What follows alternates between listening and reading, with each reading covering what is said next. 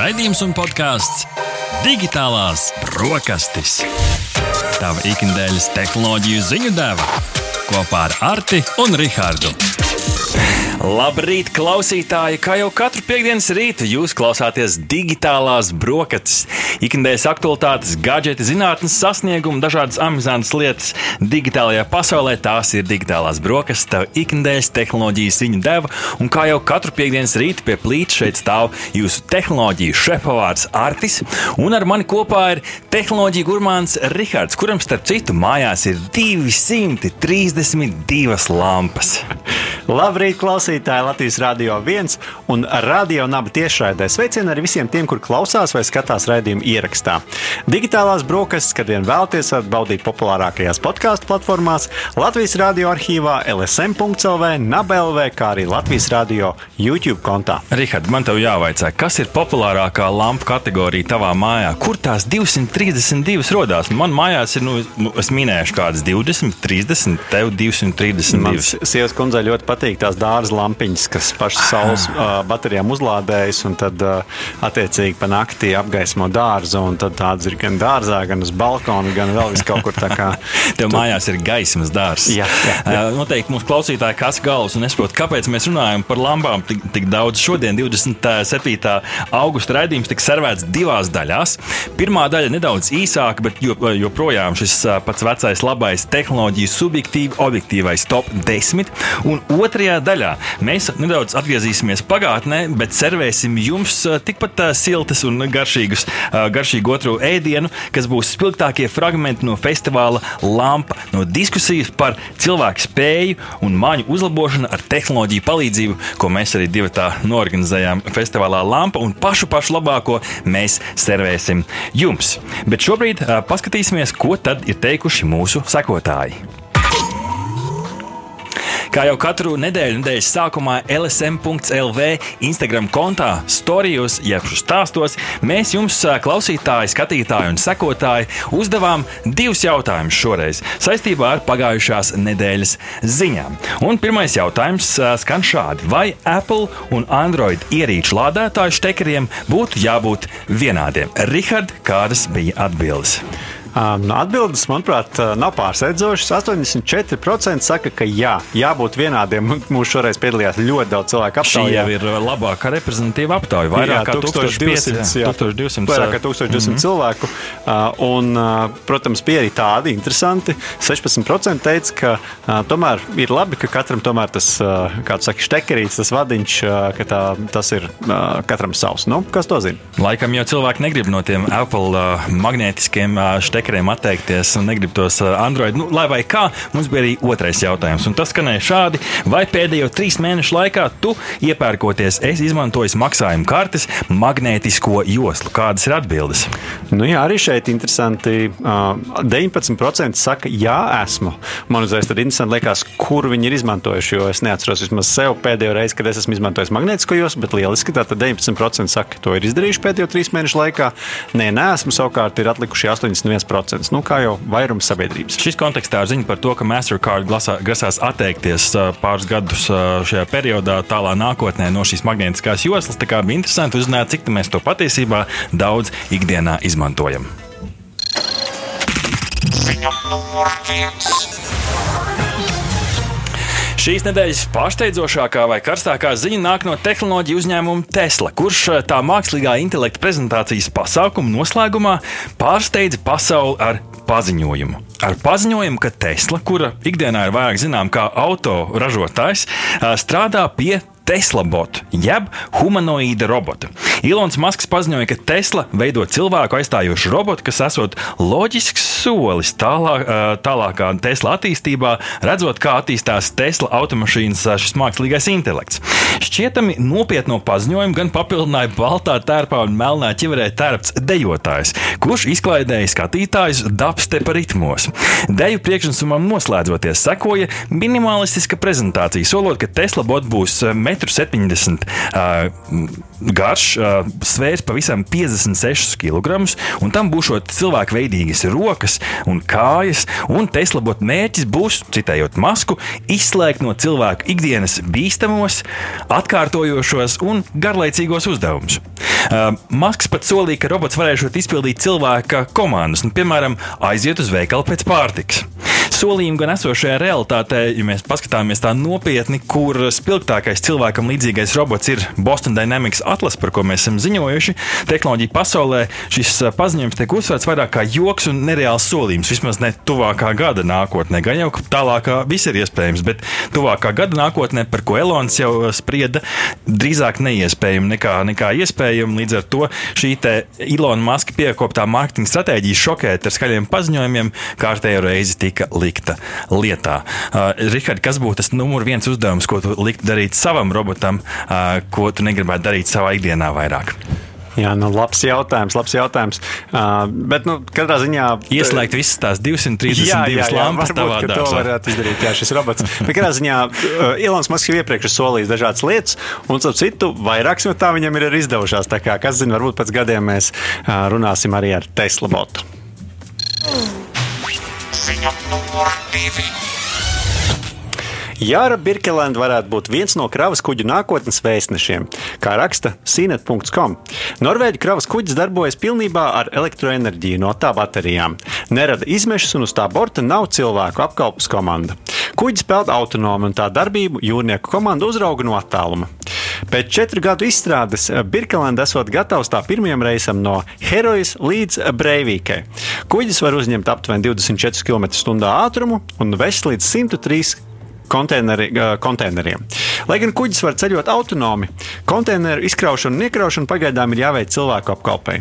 Arī šo aspektu Birkelanda izstrādā, izstrādātāju komanda nākotnē vēlas mainīt.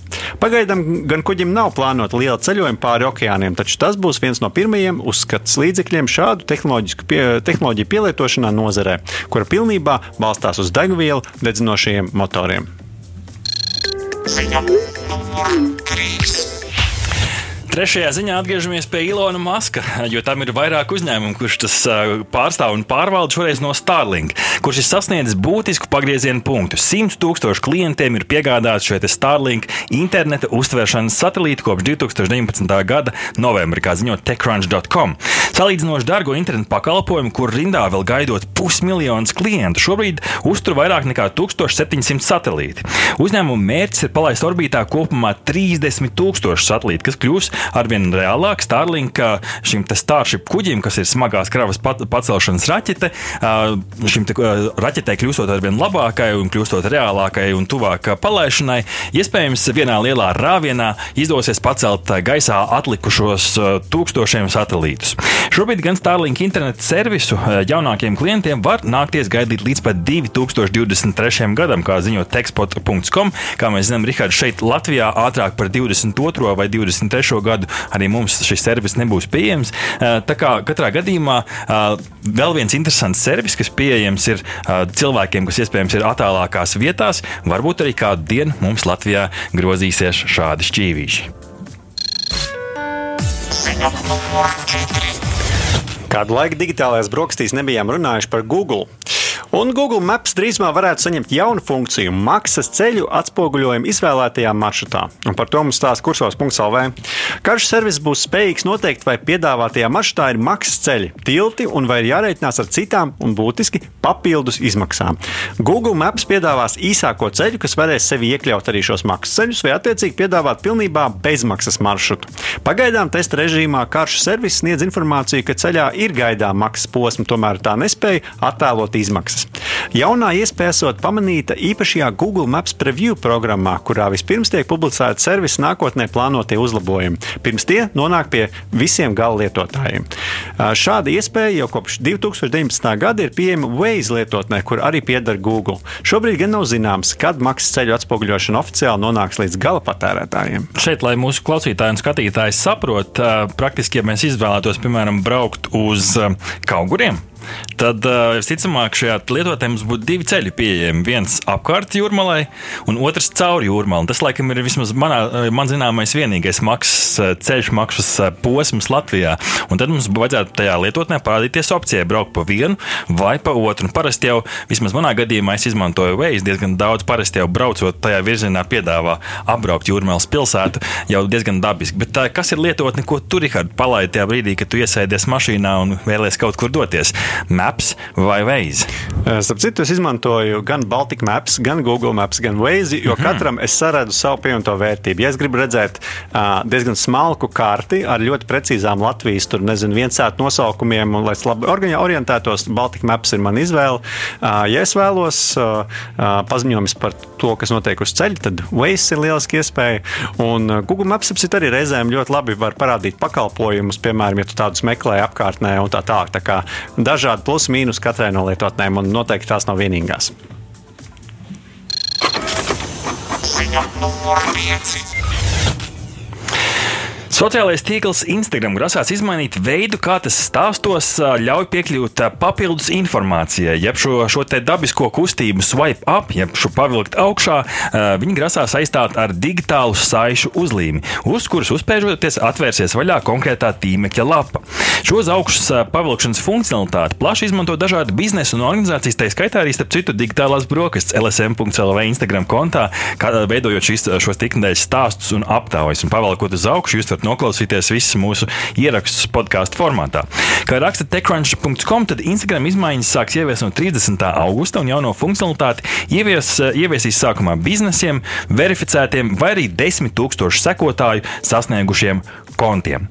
Jaunā saišu uzlīme piedāvā lielāku iespēju satura veidotājiem, ar ko spēlēties, tā skaitā izmēri, krāsas un tam līdzīgi. Un kaut kādā ziņā šis iezīmē tādu kā pārmaiņu Instagram sociālajā tīklā, šo saturu vairāk pārliekot tieši uz šiem stickers, angļuiski sauc latviešu jau digitālās uzlīmes, kas iezīmē kaut kādu trendu vispār šajā te platformā, un kā mēs zinām, trendi vienā platformā bieži vien nozīmē arī tendences citos. Godlike! Ziņa numur 6.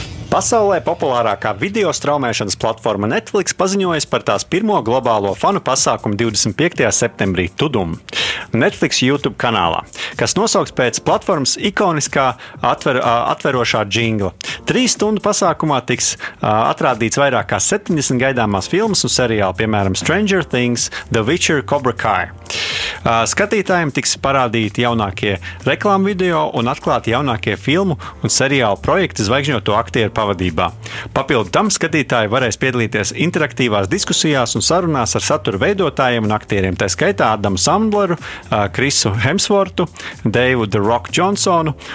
Tudum paziņojumā gan izpalika pazīmes, ka Netflix varētu atklāt ko vairāk par video spēļu izstrādes baumām, kas šobrīd arī šādā līmenī paliek, kā ziņo tekstpat.com. Tadam, tudum, tadam, tadam, kā to izrunā pareizi, Eina sazina, bet Netflix ieslēdzot šī skaņa vienmēr atskan tā kā nu, šāds ikonisks notikums. Ziņa numur 7. Mūziķis Kanye Vests paziņoja par jaunu mūzikas veidošanas ierīci Donda Stem Player, kas ļaus pielāgot un izmainīt jebkuru dziesmu, kā viņa sola. Ierīce, kas vizuāli vairāk atgādina dūmu detektoru vai arī nu, mazu tumbiņu, ļaus kontrolēt vokālu, bungas, ģitāru un citus skaņu elementus, izdalīt atsevišķas daļas dziesmā, pievienot skaņu efektus un pat sadalīt dziesmas daļas atsevišķos klipos. Kā vēstīts The Verge.com, tad Donda Stem Player ir aprīkots ar skaļruni, 3,5 mm audio džeku, Bluetooth uztvērēju, vadības pogām un 8 gigabaitu iebūvēto atmiņu. Uz ierīces virsmas ir četri izgaismoti slīdņi, ar kuru palīdzību varēs kontrolēt iepriekš aprakstītos skaņu efektus. Šobrīd gan nav uh, precīzi zināms, cik viegli būs kontrolēt un miksēt dažādas dziesmas, taču pirms šķietam šī ierīce kalpos labāk hip hopa un deju mūzikas veidotājiem. Ziņa numur 8.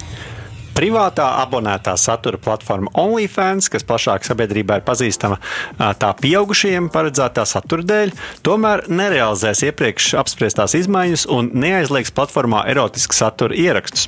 Sākotnēji platforma šādu kursu grasījās uzņemt, jo dažādas bankas atteicās veikt naudas pārskaitījumus, kas ir būtisks elements platformas dzīvotspējā. Platforma ir sasniegusi pagrieziena punktās attīstībā, jo pēc iepriekš izskanējušiem paziņojumiem attiecīgā satura veidotāji jau bija sākuši dzēst ārā saturu, kas, nebūtu, kas, atbil, kas neatbilst jaunajiem nosacījumiem, vai pat jau pārcēlušies uz citām platformām.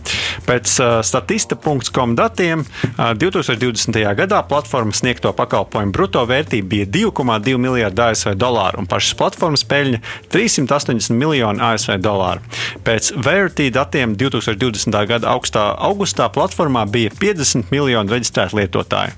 Starp citu, aktrise, dziedātāja un modele Bela Torme platformā savu pirmo 24 stundu laikā nopelnīja 1 miljonu ASV dolāru, taču realitātē vairums kontu mēnesī neienes vairāk par 145 ASV dolāriem. Man šī pēdējā piezīme šita tāda ļoti būtiska, jo šie jau ir tie skaļākie gadījumi - miljonus 24 stundās. Bet, ja mēs paskatāmies, ka nu, vidēji 145 uh, dolāri mēnesī nu, versus viss lielais darbs, kas ir jāiegulda, lai arī kādu saturu tu veidotu, nu, tomēr beig beigās varbūt arī nav tik saldi, kā tas izklausās. Kit? Kit, talk to me. Atgriežamies Rikārd, pie Google, jo Google mātes kompānijas Alphabet piedarošais dronu piegādes uzņēmums Wing ir paziņojis, ka tas divus gadus darbojoties Austrālijas pilsētā Loganā ir sasniedzis 100 tūkstošu piegāžu slieksni. Šo piegāžu ietvaros klienti ir saņēmuši dažādus sūtījumus, tā skaitā 10 tūkstoši kafijas krūzītes, 1700 uzkodu paciņas, 1200 karstas vistiņas un pat 1000 maizes klaipus pa vidu visiem pārējiem sūtījumiem. Šobrīd droni gan spēj ceļot tikai neliels 9,5 km distance un paciņas svars nevar pārsniegt 1,3 kg. Droni lido aptuveni 30 līdz 45 metru augstumā un sūtījumu saņēmējiem piegādā nolaižot šo pasūtījumu ar uh, trosīti lejā līdz pat zemē, un līdz ar to šis drons pats nemaz nenosēžās. Viņa runas persona Jonatans Bass pastāstīja portālam techcrunch.com, ka uzņēmums vēlas izplatīties arī uz citām Austrālijas pilsētām un piedāvāt savu servisu arī Somijā un Amerikas Savienotajās valstīs nākamo sešu mēnešu laikā. Šobrīd gan tehnoloģijas spējas jau sen esot pārsniegušas kaut kādas expectācijas, un tā attīstība ir ļoti strauja, bet šobrīd to ierobežo juridiskie aspekti. Tā kā piegādāt no vienas puses tehniski varētu, bet no otras otras puses dažādi gaisa satiksmes noteikumi ierobežo šo dronu attīstību arī citvietā. Ziņa numur desmit.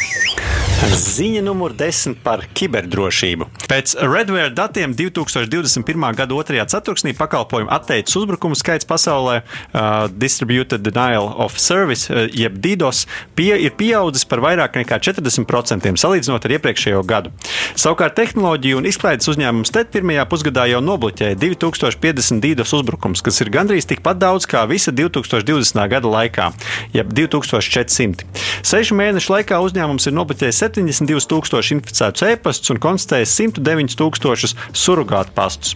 Saskaņā ar The Cyber uh, Rescue Alliance apkopotiem pasaules datiem 71% kiberuzbrukumu uzņēmumiem šogad tika veikti ar mēķi izspiest naudu. Piemēram, ASV vidējas izpirkuma summas ir pieaugušas par 300%. Absolūtais nozaru līderis, kas visbiežāk cieš no izspiedai vīrusiem, ir ražošana. Savukārt valsts, kuras uzņēmumiem kibernoziegumu uzbruk visvairāk, ir Indija. Nu, redz, tāds ir mūsu šī rīta tehnoloģiju subjektīv, objektīvais top 10. Taču pēc muzikālās pauzes mēs parunāsim par kiborgiem un cilvēku tehnoloģisku uzlabošanu. Hmm. Ko liksim uz kārā zoba? Digitālo brokastu saldais ēdiens. Labrīt, klausītāji! Sveicam jūs atpakaļ pie digitālo brokastu galda. Pagājušajā nedēļas nogalē Cēsīs norisinājās sarunu festivāls Lampa, kurā ar savu diskusiju uz Alma Mātera FM skatuves piedalījās arī raidījums Digitālās brokastis.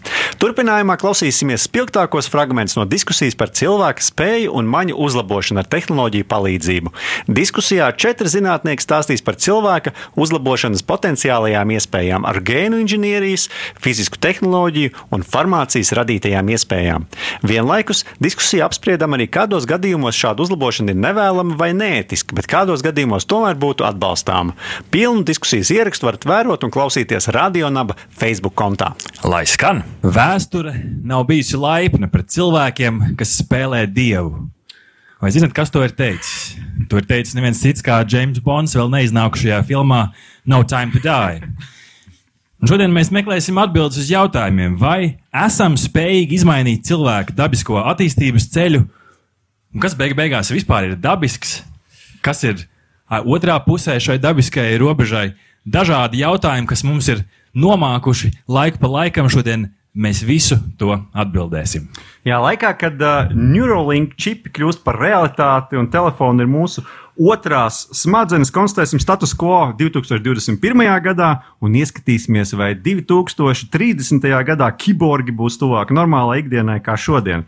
Vai ir pieņemami uzlabot mūsu gēnus, ievietot čipu smadzenēs, lai uzlabotu mūsu ikdienu, vai esam gatavi kļūt par robotu cilvēkiem, un cik tālu esam no redzētā filmā Matrix. Mēs iepazīsimies, Rihard. Jā, tad, tad sāksim Leo Seļāvo, Latvijas Universitātes datorikas fakultātes profesors un lietu interneta speciālists un uh, fans un arī, manuprāt, viens no gudrākajiem cilvēkiem par sensoriem, ko es noteikti pazīstu. Labdien! Sveicam uh, klātienē, digitālajās brokastīs. Prieks redzēt arī sejā. Uh, tālāk uh, Signe Mežīnska, Latvijas Universitātes medicīnas fakultātes asociētā profesore, Latvijas Universitātes klīniskās un profilaktiskās medicīnas institūta vadošā pētniece un biedrības veselības projekta Latvijai valdes locekle. Labrīt! Labrīt! Ar mums kopā ir Jānis Liepiņš, Latvijas Universitātes mikrobioloģijas un biotehnoloģijas institūta vadošais pētnieks. Jā. Labrīt! Un Roberts Rimša, Cietvielu fizikas institūta elektronisko un fotonisko ierīču prototipēšanas laboratorijas vadošais pētnieks. Labrīt! Labrīt! Es domāju, ka mums sākumā ir jānoskaidro attiecības. Nu, tas jau ir tā, cien, cieņpilnās uh, diskusijās. Mēs sākam ja par cieņu šobrīd. Tieši tā, par cieņu, un mēs gribam noskaidrot, kādas ir jūsu attiecības ar kiborgiem. Varbūt tikai filmās, varbūt realitātē, varbūt paši tādi esat. Sāksim ar tevi, Leo. Uh, jā, nu es dažus esmu saticis, pats par tādu vēl neesmu kļuvis. Um, Vienu, ko var pieminēt, droši vien ir uh, Nils Orbisons. Uh, viņš pat ir Latvijā, laikam, viesojies. Bet satiku es viņu Berlīnē, un uh, nu, viņa tā skiborisms bija tāds, ka um, ķibele sekojoši, viņas neatšķir krāsas jau kopš dzimšanas. Ne? Bet tad ar citu radošu cilvēku viņi uzbūvēja kameru, kas virs galvas viņam visu laiku ir, un ne tikai visu laiku ir, bet arī pasas fotografijā ir tā kamera viņam, kas pats par sevi bija zināms izaicinājums tajā laikā. Un uh, viņš redz krāsas caur skaņu, un viņš jau ir pieredzējis tik tālu, ka viņš pat sapņo ar krāsām. Tā kā es, jā, es vienu otru pazīstu, varbūt. Un varbūt nedaudz ieskicē, kas var būt tavs tas uh, profesionālā aizraušanās, šobrīd tavs fokus, tavs lauciņš, kurā tu darbojies. Nu, es, es esmu saslims ar bezvadu sensoru tīkliem jau vairāk kā desmit gadus. Uh, lietu internets ir tāds populārāks nosaukums tam visam. Patīk man likt sensors visur, kur, gan, gan uz neapdzīvotām salām Atlantijas okeānā esmu to darījis, gan arī uh, cilvēkiem, gan, gan veseliem, gan arī tādiem, kuriem gribas kļūt veselākiem, tātad pielietojam medicīnā un arī sporta pasākumos dažādos. Cik sensori tev šobrīd ir virsū?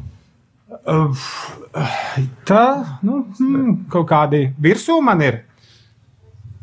Nu, kādi 5 līdz 10 droši vien būs. Un tagad varētu būt vēl kaut kādi 15. Super. Prieks Kas ir uz jumta, to es nezinu.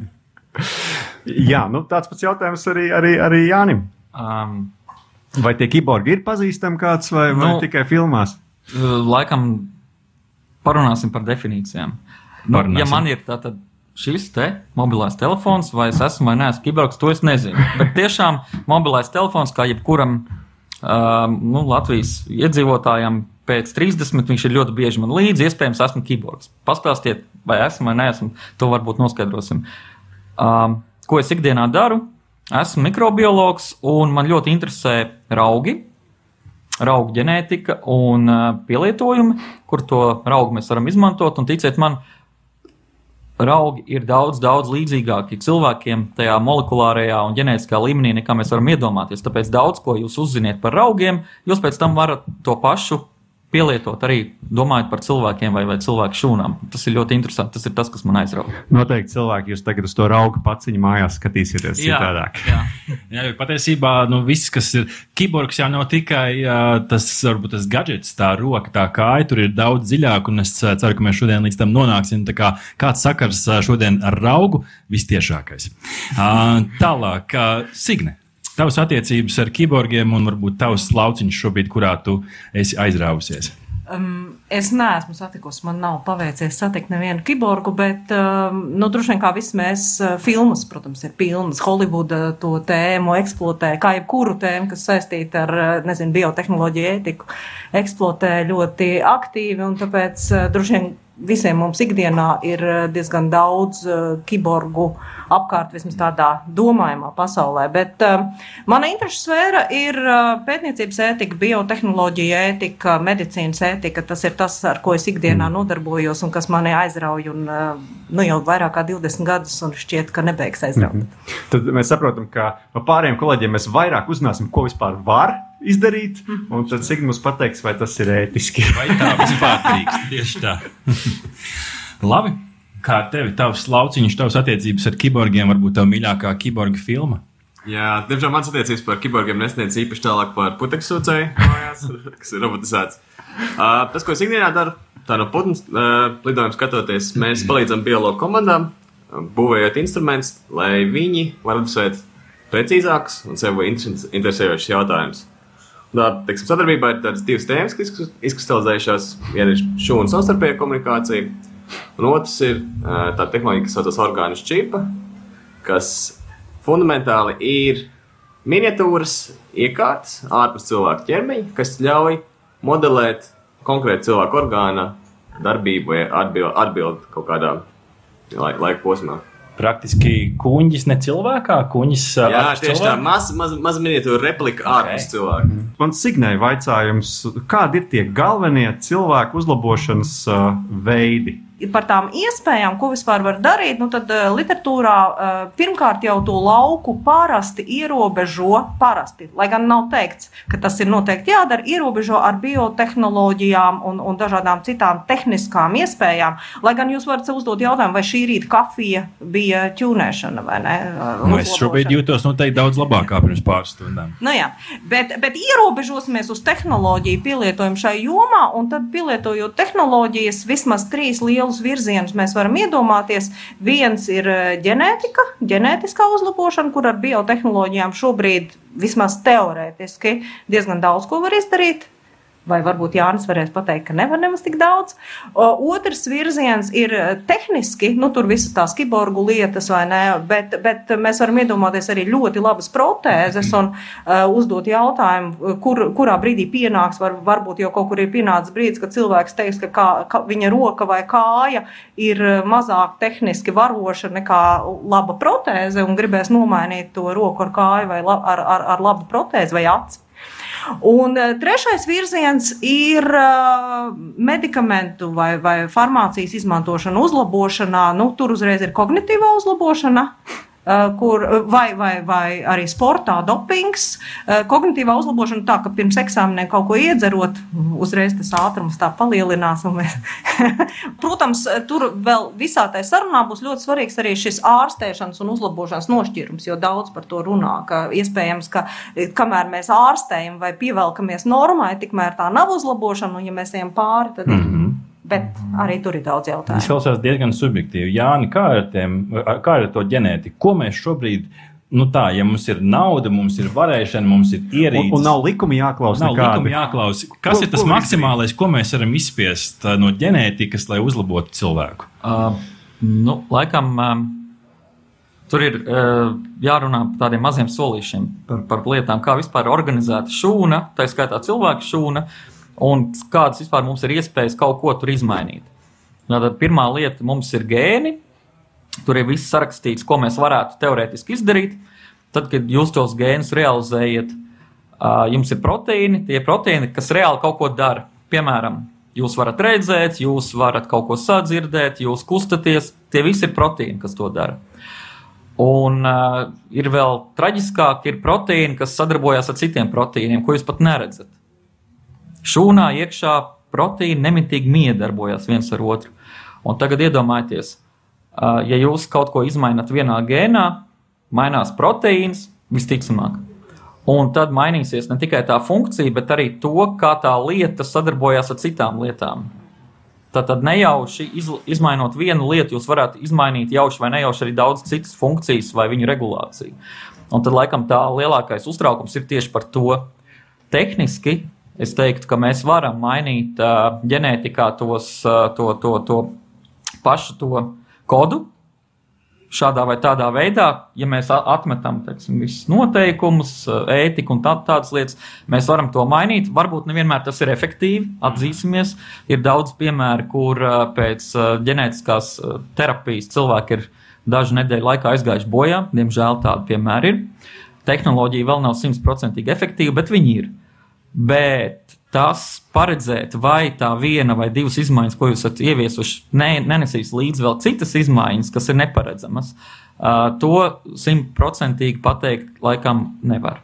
Tas jautājums tev un pēc tam arī, arī Robertam, kas ir tās iespējas, kuras mums šobrīd piedāvā tehnoloģijas, uzlabot cilvēku? Tu jau minēji šo gadījumu ar cilvēku, kurš krāsas dzird ar skaņu. Kas varbūt vēl ir kaut kādi tādi gadījumi, kurus tu gribētu izcelt, kas labi raksturo to šobrīdējo progresu, ja mēs skatāmies uz kibercilvēkiem, uz kiborgiem, uz cilvēku savienošanu ar tehnoloģijām? Jā, nu, ārpus sporta par to, ka krāsas dzird, nu, tie paši cilvēki viņam ir arī Cyber Foundation nodibinājums, kas, kas rūpējas gan par juridiskām lietām, gan arī nu, viņi vēl citus gadgetus taisa priekš cilvēkiem, ko iebūvē? Uh, viņiem arī ir otrādi. Ir nu, krāsa, tu redzi krāsu, bet tu viņu dzirdi.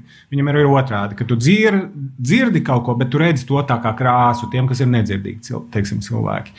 Un, un, un vēl dažas tam līdzīgas. Nu, attiecībā uz sportu, nu, ko mēs varam darīt? Mēs varam apkarināt mūs ar sensoriem, mēs varam uh, salikt iekšā mums visādus arī sensorus. Un uh, varam dabūt veselu kaudzi datiem, pēc tam mēģināt skatīties, okay, ja, ja tu pakusties tā, ko viņi rāda, ja tu pakusties šī tā, ko viņi rāda. Um, Eh, nu, tur, tur ir ko pētīt. Kā, kā to uzlabot, tad tu vari izmēģināt visādi. Tur nav tāds, ka tu uzreiz nu, ieslēdz vienu un tad tu pas, paskrien ātrāk. Uh, bet savukārt, uh, nu, vēl par citām tehnoloģijām runājot, ir, ir uh, diezgan attīstīti tiešām smadzeņu implanti, kas ir nu, gan tādi vienkārši salīdzinoši, kas tikai stimulē kaut kādu apgabalu smadzenēs, tāpēc, lai, teiksim, noņemtu kaut kādus sāpes vai, ne, vai, vai sindromu vai tam līdzīgi, vai, vai, vai nu, aizkavētu kādu epilepsijas liekumu vai kaut ko tādu. Bet ir arī smalkāki tie sensori. Tāds iedomājamies, ka mums ir viens reiz viens kaut kur centimetrs ar apmēram 100 adatiņām. Un tādu mēs čiks uz smadzenēm iekšā, un daudz vadi kaut kā iziet ārā no cilvēka. Mērķis ir, lai cilvēks varētu kustināt protēzi. Teiksim, viņam rokas nav, bet ir protēze. Nu, lai viņš varētu tāpat ar viņu operēt. Tāpat kā es īpaši nedomāju, es paceļu roku un, un vicinu, un, un viss notiek. Un tur tas izaicinājums ir, ka Nav tā atkal, ka tu ieliec un gatavs, ja staigā un, un tu vari dzert un, un, un plaukšķīt un visu kaut ko. Uh, tev ir jāiemācās lietot. Līdzīgi tā kā mazi bērni, tā, kad viņi piedzimst, viņi nezina īsti, ka viņiem ir rokas. Tā, tāpēc tā ir, kas ir pa galvu, oh, kas tas tāds. Ja? Paiet pāris nedēļas, un viņi sāk saprast, ka viņiem arī ir rokas, vai, nu, vai ir ilgāks tas periods. Un te ir īstenībā tāpat, uh, tikai nu, paiet ilgāks laiks, bet ir cilvēki, kas ir uztrenējušies. Drusku tur varbūt var mākslīgais intelekts pa vidu mašīnu mācīšanās palīdzēt. Uh, bet nu, nu, tas ir tā, tāda aspekta. Tā kā, jā, mēs varam likt apkārt lietas, klausīties, ko mēs darām, mēs varam likt iekšā, mēģināt saprast, ko mēs darām. No otras puses, mēs varam arī kaut ko ietekmēt. Nu, teiksim, diabēta pacientiem ir, ir uh, insulīna pumpi, tā saucamie, ne, kas arī var būt automātiski, bet ir arī cilvēki, kas viņus neizvēlās, tāpēc ka viņi var būt arī uzhakojami. Ja? Un tad mēs jautājam, vai cilvēks ar insulīna pumpi ir kiborgs vai nav? Robert, kas tev neļauj naktī gulēt, ja tu domā par kiborgiem? Es varu paturpināt ar Leo sarunu par sportu.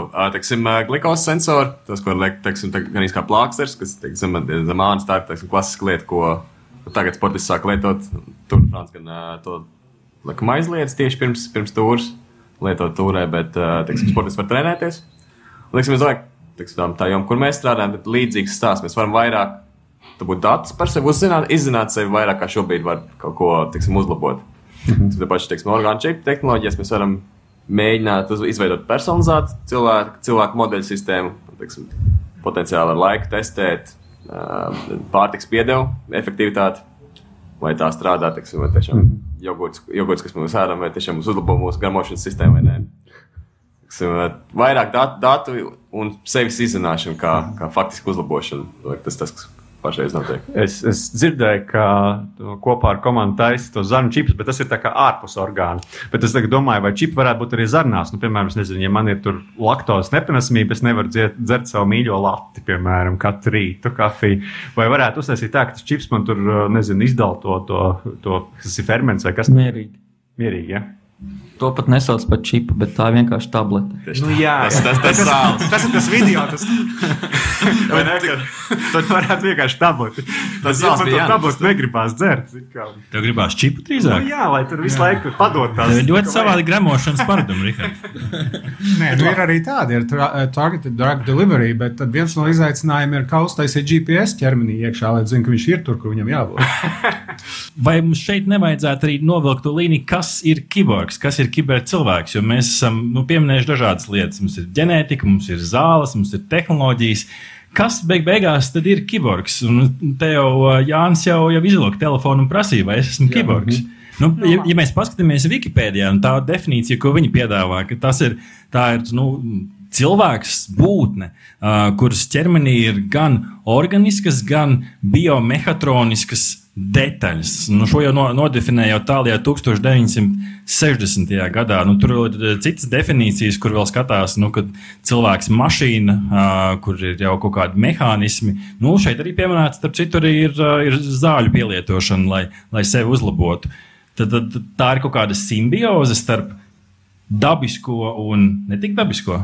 Nu, klau, bet bija šie piemēri par insulīnu pumpiem un um, sirds ritma devējiem, kuri ir ļoti daudziem cilvēkiem uh, tur kaut kur iešūti.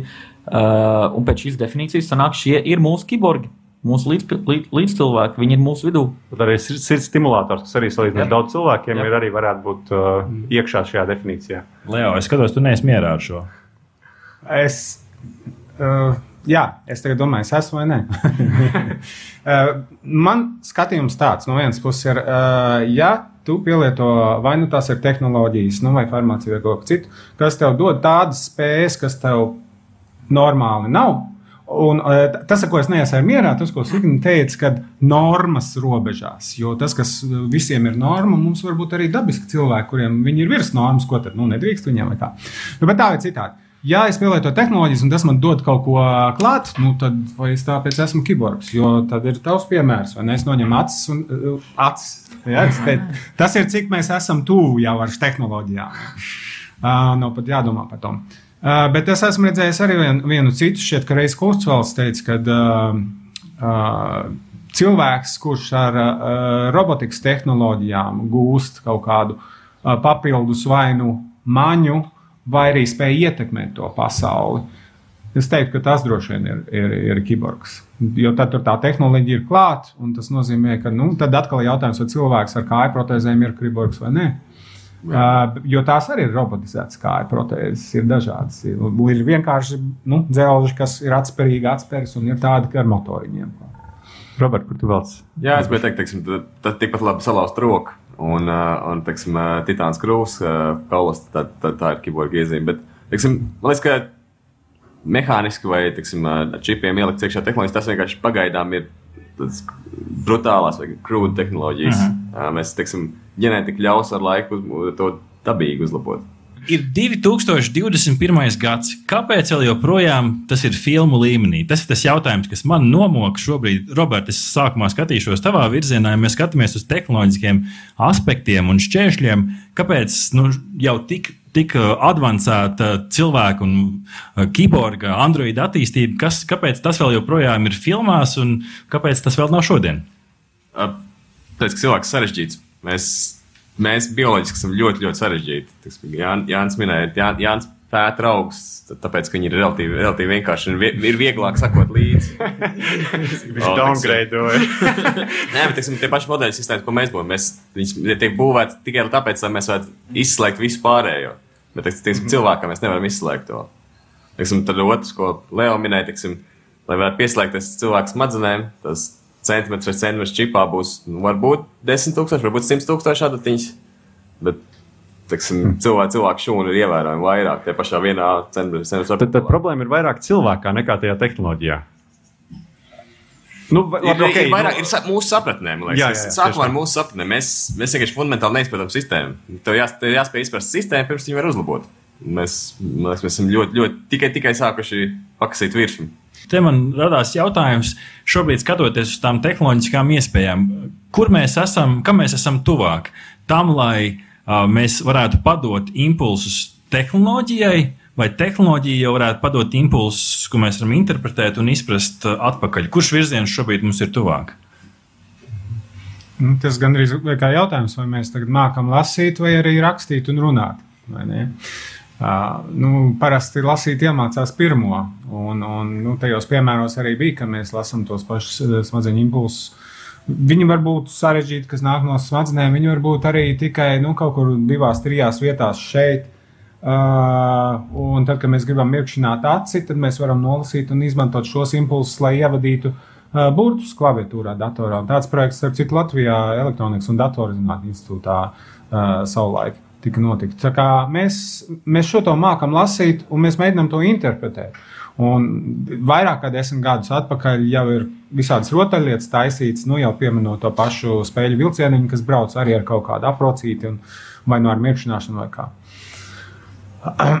Vai mēs spējam, tīri cilvēks, nolasīt tos impulsus, ko dod tehnoloģija? Nu, te arī bija piemēri, piemēram, par, par uh, no implantiem vai nu smadzenēs vai kaut kur citur, kas, kas cenšas notušēt kaut kādu nu, lēkmi, kas nāk, vai arī uh, vai kaut ko tādu. Tā kā, bet, bet tie sim- impulsi, nu, cik man ir zināms, viņi ir diezgan tādi, nav smalki. Ne, tā kā nav, ka mēs pasakām, ka varam ielādēt sev kādu grāmatu vai prasmu smadzenēs, vai ne, un pēc tam mācīt tur zāģēt, vai urbt, vai arī dzējot, nedodies uh, programmējumie dzējnieki. Bet, uh, bet uz to varbūt, kad ies pamazām tehnoloģija. vai ne? Es domāju, ka visi- rakstīt visi- visi studenti par to sapņo. tad, jā. Ieprogrammē esejas rakstīšanu un tik raksta. Ielādē grāmatu un viss. Varbūt katrs skatoties uz to lauku, ko jūs pārstāvat, savu zinātni, savu, savu profesiju un aizraušanos, kas no jūsu katra unikālās perspektīvas ir tie nākamie lielie atklājumi, tās, eh, tās lielās lietas, kas jau varbūt varētu ie, tikt ieviestas, nu, angļuiski sauc par mainstream, eh, plašu patēriņu, eh, kaut kādas iespējas, eh, ko jūs paši redzat. Sāksim varbūt ar, ar Leo un tehnoloģisko galu. Nu, tas, kas droši vien notiks, eh, es te drusku sapņoju par to nu, aplinku uz internetu, pat aizsnoju. Kaut, kaut kādas līdzīgas lietas jau droši vien notiks, jo, jo gan Elonas Masks, un gan arī ļoti daudz citu, nu, kam ir nauda to darīt, pēt un mēģina, mēģina risināt, nu, kā tad mums pieslēgties. Ne? Un sākumā, teiksim, pats, pats pirmais tāds eksperiments, kur kur uh, nu, viens cilvēks runāja ar savu sievu cauri internetu, cauri laikam diviem okeāniem. Tas jau bija vairāk kā 10, 15 gadus atpakaļ. Šķiet, bet tas bija arī ļoti primitīvs. Nu, faktiski arī divi, divi kaut kādi sensori šeit, un tad, kad viņš kaut ko šeit gribēja pakustināt roku, tad tie sensori nolasīja, nu, tā kā miogrāfs to, to signālu un aizsūtīja caur internetu, un tad viņas jau jūta savā rokā, ka tur kaut kas noraustās. Ne? Uh, nu, tā, uh, tā lieta. Bet tas, ko es pats uh, nu, uh, gribu darīt, un, un daļai jau esmu iesācis, ir, nu, es te pieminēju arī, ka gribās kaut kādu nu, brīnumu datoru, kas, kas regulē mūsu veselību. Ja, un te tiek pieminēts problēmas ar, ar smadzeņu plasticitāti, ar, ar nu, nu, visādas citas ķibeles. Nu, ja ir diabetes, tad, diemžēl, viņš ir. Mēs viņu nemākam izārstēt šodien, bet ir daudzas lietas, ko var paredzēt ātrāk. Jā, teiksim, no personiskās pieredzes es dabūju savu laiku pirms vairākiem gadiem C hepatītu, un, un doktors saka, nu, zini, tev jau viņš kādus 5 vai 7 gadus ir. Jā, un pēc tam pa laimi izārstējām, ja tas prasīja vienu gadu. Nu, diezgan tāds izaicinošs periods bija. Būtu labi, ja būtu kāda sistēma, kas spēj novērtēt to, kas notiek ķermenī, to, kas notiek apkārt ķermenim, un, un uh, varbūt kāda sistēma aizskadra, kas visu laiku analizē, monitorē pietiekoši drošā un privātā veidā. Un, un ja ir kas, tad ceļ ne? Kad, hei, tev jāiet badmintonā spēlēt, citādi būs slikti.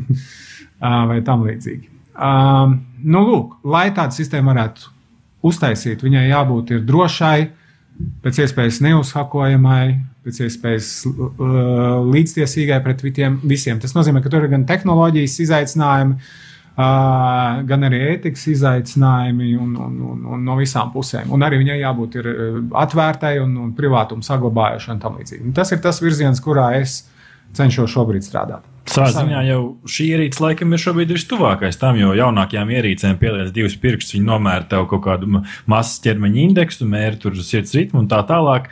Tos datus vācis pagaidām vēl neesmu redzējis tādu ideālu piemēru, ko tu Leo saka, ka tev arī kāds pasaka priekšā pēc tam no tiem datiem, jo mē, nu, datu ir daudz, un paši jau mēs viņus nevaram novērtēt. Tas, tās sistēmas ir ļoti daudz visādas, bet katra viņa dara vienu lietu, nu, varbūt divas, mm. un cenšas viņu darīt ļoti labi, nu, lai, lai pievilinātu klientus, protams. Uh, bet, manuprāt, tas izaicinājums ir uztaisīt pietiekoši tādu atvērtu vidi, lai, lai tajā var saplūst mm -hmm. visi tie dati, un līdz ar to mums var, var būt arī daudz plašāks skats uz, uz mm -hmm. to, to bildi. Ko mm. redzēt? Nu, pirms, pirms arī dažiem gadiem bija TEDx man pasā, uh, priekšlasījums, kur es arī mēģināju to parādīt. Ka, ja mēs skatāmies bildi, mēs redzam kaut kāds, varbūt, nu, šur un tur viennieks, nulīti kaut kas tāds. Un tad mēs viņu, nu, tā kā aizbraucam Uh, braucam tālāk prom un redzam, ka tie vienīgi nulīti saplūst, saplūst, saplūst, un beigās mums sanāk kaut kāda mm -hmm. glezna izrādās. Ja mēs tikai mēram kaut ko par etam, tagad, nu, šodien nomēru. Mēs varam mm. pateikt, nu, labi, man šodien ir tāds sirds ritms, tagad, ne? bet mēs nevaram pateikt, ka man ir kaut kāds nu, desmit gadu perspektīvā. Riska zona kaut kur. Robert, tehnoloģijas cilvēks, kas no tavas perspektīvas ir tie tuvākie, kā jau mūsu diskusijas nosaukumā, 20, 30, tā, tā tuvākā nākotne, ko tu redzi, kas ir tas reālākais? Turpinot to, ko Leo iesāka, personalizēta medicīna. Teiksim, tā, tā, tas trends, kas, kas izmāk, realizēsies gan, gan tajā, kur mēs strādājam, gan, gan principiāli. Es šobrīd ārstēju pacients ar, viņš pie, pie ārsta, viņam izraksta zāles, pamēģina divas nedēļas, tas nestrādā, atnāc pakaļ mēģina vēlreiz. Ar, lai, ar laiku mums vajadzētu būt tas, un tas 23 varbūt arī ir brīdis, kad tas var pienākt to, ka mēs ar vien personalizētāk skatīsimies uz cilvēku kā individu. Un izmēģināsim konkrētas zāles ar konkrētu dozi. Katru, teiksim, mūsu, mūsu lauciņā tas var būt dzīvnieku testo samazinājums var, un ar laiku pilnīga, pilnīga atteikšana no dzīvnieku testiem. Teiksim, testēt gan farmaceitiskās, gan kaut kādas pārtiks piedevas uz tuvinātām sistēmām cilvēkiem. Tad uh, Jānim jautājums, kas, kas tajā gēnu lauciņā varētu notikt tāds liels? Nu, man šķiet, ka tas jau daļēji notiek. Vismaz mikroorganismiem tas noteikti notiek. Tie organismi, no kuriem mēs iegūstam mums vajadzīgos produktus. Tātad pateikt, ka šī mutācija novedīs pie šāda rezultāta. Tas arī īstenībā saistās gan ar personalizēto medicīnu, tikai jau daudz lielākā, plašākā mērogā, jo mums arī ir gēni, viņi ir vairāk, bet tas fenotips vai tas, ko, uz ko mēs skatāmies, tas ir mazliet savādāks, bet vienalga tas ir mums ļoti, ļoti, ļoti interesē. Tātad ģenētiskās analīzes ir kļuvušas lētākas, un viņas būs vēl lētākas, viņas būs vēl pieejamākas, un tad saprast, ko tas kas mums ir ierakstīts iekšā, nozīmē un ar kādiem riskiem mums ir darīšana. Un, ja man ir tagad, es zinu, ka es dzīvoju tādā un tādā klimatā, un man ir tāds ģenētiskais fons, tad ko man darīt tuvākajos piecos gados, lai, teiksim, nebūtu kādas neiestātos kāda veselībai bīstamas situācijas, piemēram. Signa, kas ētikas lauciņā? Mākslīgais intelekts. Nē, es pilnīgi citā virzienā aizdomājos. Un, uh, Mēs runājam par Pirmās pasaules problēmām patiesībā. un, un ētikas jomā uh, daudz nozīmīgāka problēma, ja mēs tā kā izzumējamies ārā un paskatāmies tādā globālā mērogā, zinātnes resursi ir ierobežoti, medicīnas resursi ir ierobežoti, un šobrīd tādā globālā mērogā daudz lielāka uzmanība tiek pievērsta tam, kā vispār sadalīt šo zinātnes resursus. Ir, piemēram, tāds saraksts ar novārtā atstātām slimībām, kuru ārstēšana, nu, tur neprasa pilnīgi ne, ne, ne ģenētika, neko tur, eh, nezinu, kaut kādi indīgo čūsku kodumi tur Āfrikā vai Āzijā, kur cilvēki mirst un vajag, nu, relatīvi vienkārši pētniecību veikt. Man liktos ļoti svarīgi nepazaudēt to globālo fokusu. Šīs ir ļoti svarīgas lietas, un mēs varam fantazēt par, par eh, sevis uzlabošanu, bet ja mēs paskatāmies globāli, tad, eh, nu, ja mēs gribam kaut kādu globālu vienlīdzību, mums ir jāsaprot, kā tos resursus, no, nu, cik daudz piešķirt personalizētās medicīnas izpētē, bet cik daudz piešķirt eh, novārtā atstāto slimību izpētēji un eh, nu, panākt, lai Āfrikā bērni no caurēs nemirst. Šī ir tā diskusija, kas arī pacēlās tajā brīdī, kad uh, nu, reālāk kļuva šī ceļošana uz Marsu un, un raķetes lidos gaisā, no kur aiziet uh, tādas summas, kas, par kurām varētu pabarot iespējams visu pasauli, bet uh, nu, progresu. vai ne? veidu. Pirmkārt, Leo Seļāvo. Paldies! Signa Mežīnska. Jānis Liepiņš Paldies! un Roberts Rimša. Paldies! Paldies, ka bijāt kopā ar mums, un dāmas un kungi. Noteikti varat arī dzirdēt šādas un līdzīgas lietas, varbūt daudz mazākās devās katru piekdienu Latvijas Radio 1 un Radio Naba. Tiksimies kādu citu rītu pie digitālajām brokastīm. Ar to arī izskan ieraksts, kurā atskatījāmies uz spilgtākiem fragmentiem no pagājušās nedēļas nogales sarunu festivāla Lampa. Diskusijas par cilvēku spēju un maņu uzlabošanu ar tehnoloģiju palīdzību. Pilnu diskusijas ierakstu, starp citu, varat vērot un klausīties Radio Naba Facebook kontā. Rihard, kas mums ir saldētavā uz nākamo nedēļu? Klausītāji, esiet kopā ar mums arī pēc nedēļas, kad kā ierasts iepazīstināsim jūs ar jaunākajiem tehnoloģiju sasniegumiem, kā arī ar ekspertiem apspriedīsim aktualitātes izglītības tehnoloģijās. Paldies, ka mielojāties kopā ar mums. Mūzikas redaktors Girts Bišs, pie režijas pults Arnolds Zauziņš, raidījumu veidoja radionāba autori Artis Ozoliņš un Rihards Blese speciāli Latvijas Radio 1. Tu klausījies digitālās brokastis. Katru piekdienu no 10 līdz 11. Arī podkāstu formātā, populārākajās platformās.